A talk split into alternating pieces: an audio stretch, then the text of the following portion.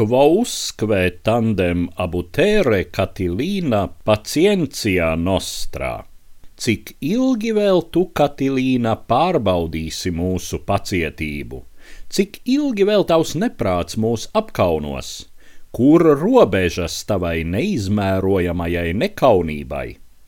Tā Romas republikas konsuls Marks Tulijs Cicerons uzsāka savu pirmo runu pret sazvērnieku Katilīnu republikas senāta priekšā, kurš bija sapulcējies 63. gadā pirms Kristus 8. novembrī Jupitera templī Romā, vietā, kur Romas republikas likumdevēji tradicionāli pulcējās tikai valstī draudošu lielu briesmu gadījumos un briesmas šoreiz nepārprotami draudēja.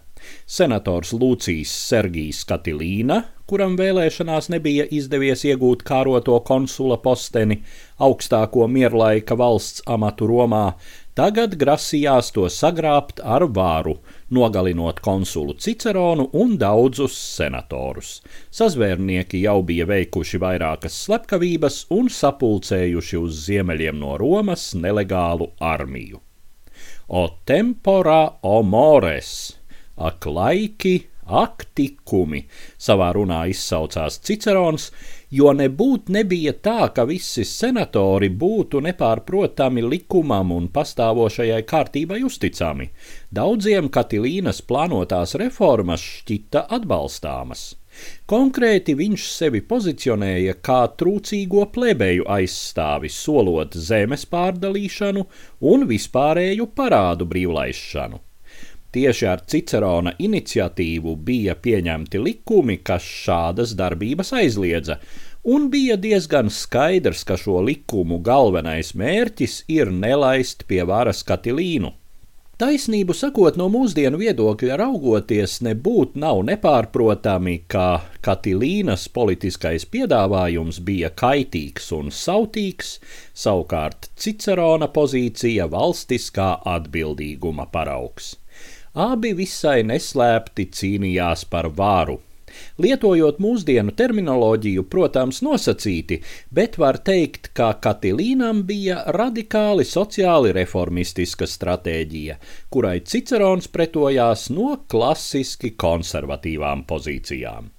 Lai gan, protams, metodes, pie kurām Katilīna ķērās tad, kad varas spēli likuma ietvaros bija zaudējis, ir sazvērestība un noziegums pret valsti no jebkura laikmeta likumu viedokļa. Katilīna, kurš bija klāt arī 8. novembra sēdē, mēģināja sevi aizstāvēt, taču senatoru vairākums Cicerona runas pārliecināti ar kliedzieniem nodevējs izraidīja viņu no tempļa. Sazvērnieks pameta pilsētu un devās pie savas armijas. Par šo attīstību Cicerons informēja senātu savā otrajā runā, kurā raksturoja Katilīnas sabiedrotos kā dzīves neveiksminiekus, kuriem vara vajadzīga, lai izkļūtu no parādu jūga un iedzīvotos. Trešo runu Cicerons teica nevis senātam, bet tautai, paziņojot, ka Romā sagūstītie Katilīnas sabiedrotie atzinušies noziegumos. Pie tam viņš norādīja, ka šī cīņa bijusi īpaši smaga, jo ienaidnieks ir nevis ārējs, bet pašu līdzpilsoņi. Visbeidzot, ceturtā Cicerona runa pret Katilīnu izskanēja 63. gada pirms Kristus 5. decembrī. Cicerona mērķis bija panākt sagūstīto sazvērnieku sodīšanu ar nāvi, taču viņa konsula amats neļāva to pieprasīt tiešā tekstā, tāpēc šī runa ir veiklu zemtekstu izmantošanas paraugs. Galīgo uzvaru pār Katilīnu Cicerons varēja svinēt nākamajā gadā, kad viņa ienaidnieks līdz ar pēdējiem sev uzticamajiem vīriem krita kaujā pret valdībai lojālajiem leģioniem. Tomēr šī personiskā uzvara nenozīmēja Cicerona aizstāvētās republikāniskās iekārtas uzvaru. Romā bija nobriedušas būtiskas pārmaiņas, kas noveda pie republikas aizstāšanas ar diktatūru, un arī pie paša Cicerona bojā ejas no varas sūtītu slepkavu rokas pārdesmit gadus vēlāk. Stāstīja Eduards Liniņš.